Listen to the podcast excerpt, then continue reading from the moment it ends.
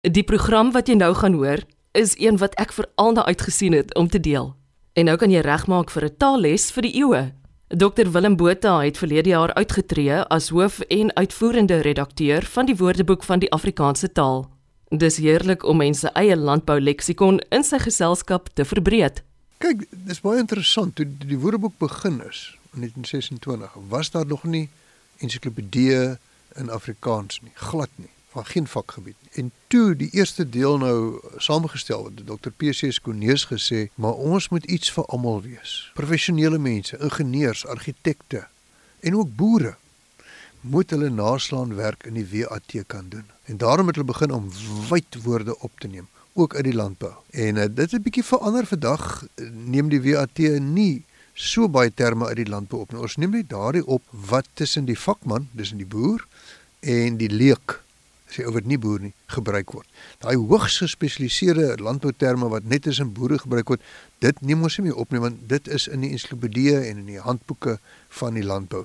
Maar miskien kan ek daarom net sê die Woordeboek van Afrikaanse taal is 'n uh, omvattende Afrikaanse verklarende woordeboek. Dit beteken dat ons die Afrikaanse woordeskat in sy totaliteit probeer vasvang in 'n woordeboek. En dit beteken ook dat ons al die variëteite van Afrikaans opneem. Nie net standaard Afrikaans nie, maar ook na Makwalands, Kaaps, al die variëteite. Alles kry 'n woning in die WAT.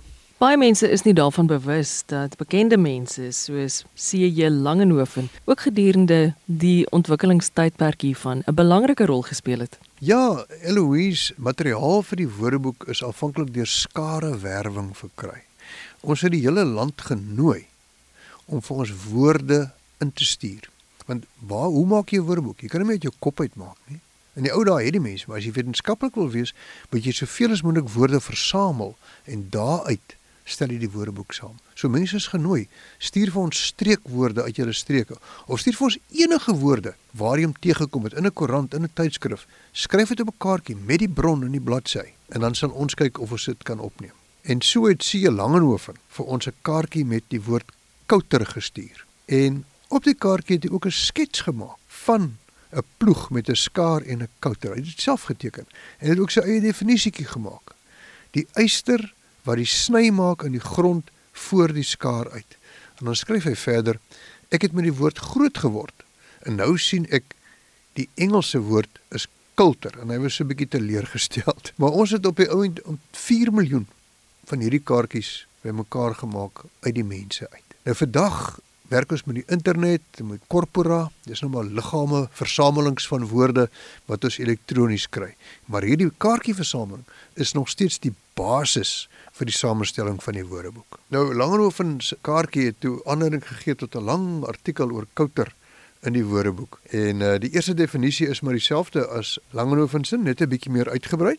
'n Skerp mesvormige pen, gewoonlik van staal wat vertikaal net voor die skaar van 'n ploeg bevestig word om die pad vir die skaar deur die grond en deur plantaardige materiaal te sny. En interessant, Eloise, daai kouter het ons van Nederlands gekry, maar hy gaan terug na Latyn en daar is die woord koelter en koelter is 'n ploegmes. Jy kan nou sien hoe werk die ding. Ons het nou die kaartjies gebruik ons om die gebruik van die woord te illustreer in die woordeboek. So hier by kouter is een van die aanhalings kom uit F.A. Venter se geknelde land en die aanhaling daar is Die skaar en kouter het hy met sweet en swoeg uit 'n stuk waaband geprakseer. Maar natuurlik die woordeboek is vol humor. Daar's ook uitdrukkings met kouter. Ek begin by 'n 'n mooi ordentlike enetjie, so stomp soos 'n kouter. Dis baie baie stomp. Ons kry dit uit Kaapstad, Prins Albert, Mooi rivier en dan ook 'n lelike een uit Namibië. Kyk, die Namibiërs sê 'n ding soos hy is. En daar is 'n uitdrukking: 'n kouter met bleek oë Nou dit beteken jy probeer verskriklik hard, jy probeer alles moontlik om iets te laat slaag. Taal is darem maar baie organies en dinamies en ek dink altyd mense moenie taal meerderwaardig wees nie. Ja, die taal is vir almal. Ek meen ons is maar basies ons taal, né? Wat wat is ons? Ons is mense wat praat. Ons praat in Afrikaans. Dis hoe ons ons menswees uitleef in Afrikaans, in ons taal. Willem, vertel my van die jaagbesem. Ja, die jaagbesem is 'n ouer term in Afrikaans en die WAT natuurlik, omdat ons al so oud is, het al hierdie ou woorde ook. Hier is 'n wonderlike naslaanbron vir ouer woorde.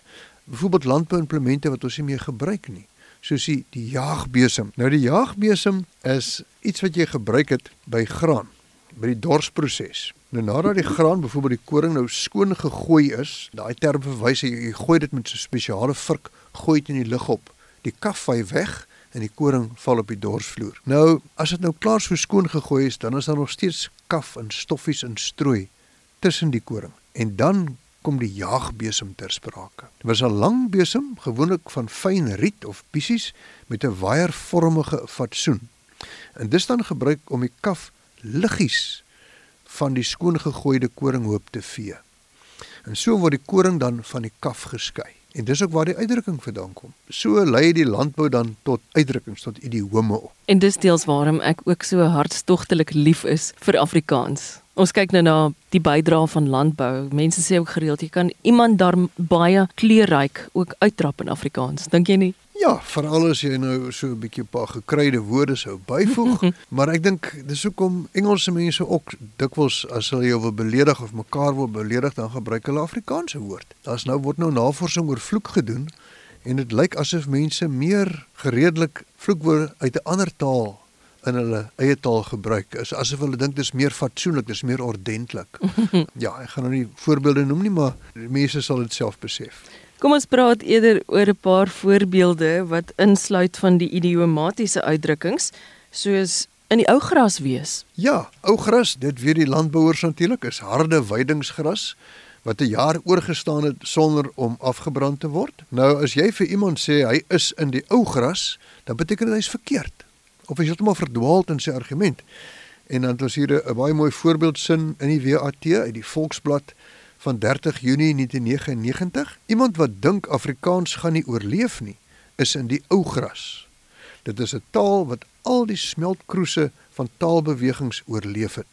Willem, ek ken 'n paar Pietmans of Pietmanne. Ek wonder of hulle self weet waar hulle naam vandaan kom. ja, dis 'n baie interessante verskynsel. In Engels is daar 'n pitman. En 'n pitman is 'n connecting rod. Enige connecting rod en 'n connecting rod is 'n koppelstam. Maar dan is daar 'n spesifieke pitman in Afrikaans in die landbou en hy het geword deur volksetimologie Pietman. Nou volksetimologie is wanneer jy per ongeluk of uit onkunde 'n woord uit 'n ander taal vervorm in Afrikaans. En hierdie Pietman het geword Pietman. En 'n Pietman is ook 'n historiese verskynsel. Dis iets wat jy nie meer vandag gebruik nie, maar dit is die koppelstang wat die heen en weer beweging aan die mes van 'n snymasjien wat deur diere getrek word oorbring. So die draaiende wiele verskaf die momentum en dan word dit deur hierdie koppelstang oorgedra aan 'n mes met 'n heen en weer beweging. En so sny jy dan nou koring of wat ook al. Dis dan nou die Pietman, maar daar was ook ander Piete. Eloise, in Afrikaans het ons ook 'n Pietperd. 'n pietperd. Nou 'n pietperd is 'n groot perd, vermoedelik Arabier. Gewoonlik donkerbruin of swart van kleur met 'n goed gebalanseerde bouvorm, 'n lang geboë nek en harde hoewe wat vroeër in Suid-Afrika geteel is en 'n gesogte karperd was. Nou kyk my vrou, hoekom nou 'n pietperd? Nou waarskynlik wat hier gebeur het is dat die perde is vernoem na die patriarg. As jy kyk na die stamboom, die eerste ene van hierdie perde se naam was Piet en dan is die perd soort maar sommer 'n Pietperd genoem. En dit is blykbaar algemeen. Ons het hier 'n aanhaling uit die huisgenoot van 1968 28 Junie. Die mense van Richmond het perde volgens hulle stamboom ingedeel en gepraat van die Hopes en die Pietperde. So daar is dit nou. Die eerste ene van hierdie spesifieke perd wat in Suid-Afrika geteel is, se naam was Piet, toe word die Pietperd. Roofbou Dit klink vir my half na 'n stoute woord.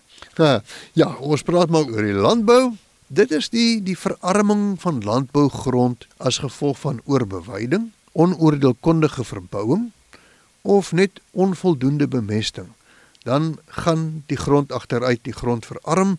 Jy noem dit roofbou. Jy steel eintlik die grond se rykdom deur hom verkeerd te behandel, om nie ordentlik te behandel nie. Roteer is nog so enetjie. Kyk, dit is 'n woorde wat ook algemene betekenis het, maar in die landbou het hy 'n spesifieke betekenis. So in landbou beteken roteer ten opsigte van landbougewasse in 'n vasgestelde orde afwissel om gronduitputting en grondsiektes te voorkom. Voorbeeldsinne wat ons daar het, Die boer roteer die gewasse om sy grond optimaal te benut. Hulle saai canola hoofsaaklik om met koring, haver en gars te roteer. En dan ook hierdie gewasse word nie juist deur siektes aangeval nie en hoef dus nie geroteer te word nie. So as jy roteer is een van die maniere om siektes onder sekere plante te voorkom.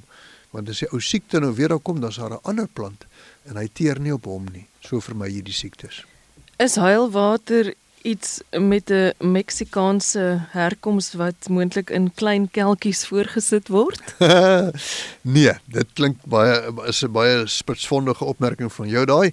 Dit is nou nie 'n spesifieke drankie wat jou tot trane dryf nie. Dit is die plantsap of dan nou die trane van wingerd en sommige ander plante. Wingerd huil soms wanneer die stokke teen die end van die winter gesnoei word en daardie sap wat uitloop word huilwater genoem. Mense gaan moontlik na vanoggend se program nooit weer die woord moeg gebruik en dieselfde daaraan dink nie. ja, Eloise moeg het klomp verskillende betekenisse in Afrikaans. Een daarvan is om dronk te wees. Dit kan ook beteken dis verlep of verdroog, die die plante lyk moeg. Jy kan dit ook gebruik in die betekenis van met 'n onvars reuk, smaak of voorkoms. Ek is die moe lug van die stad nie gewoond nie, né? Dis net nie vars nie, is nie lekker nie. Die bondel verkrekelde wasgoed ryk moeg. Is 'n uh, eh, Andrie P Brink uit die ambassadeur. En dan ten opsigte van wyn met 'n gebrek aan varsheid, gebrek aan vrugtesmaak of aroma. Die hout oorheers op die neus, hoewel die druiwegeur tog beter op die smaak deurkom. Die wyn vertoon ook 'n bietjie moeg op die smaak. En dan spesifiek van landbougrond uitgeput aan plantvoedingsstowwe weens die voortdurende verbouing van gewasse. So jy kan jou grond ook moeg maak. En dan laastens koffie kan ook moeg wees, dan is dit baie flou.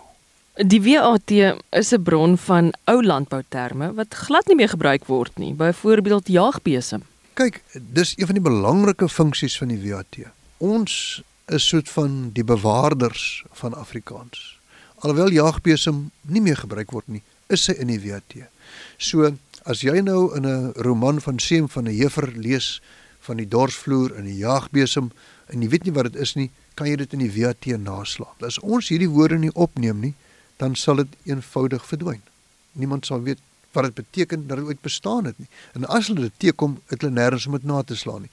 So dis een van die belangrike funksies van die Woordeboek van Afrikaanse taal om te bewaar wat oud is en te bevorder wat nuut is. En tot vandag toe kan 'n mens 'n woord borg. Ja, vandag kan mense nog steeds help om die werk aan die WAT tot by Z te voltooi. Jy kan enige Afrikaanse woord borg vir R100 en dit kan selfs 'n woord wees wat jy self geskep het ook. Dit kos jou R100. Jy kry 'n sertifikaat met jou naam en die woord wat jy geborg het. Jy kry ook gratis intekening op die aanlyn WAT vir 6 maande en jy kwalifiseer outomaties vir ons jaarlikse prystrekking vir R25000. So elke jaar is daar iemand wat R25000 wen omdat hy 'n woord geborg het vir R100.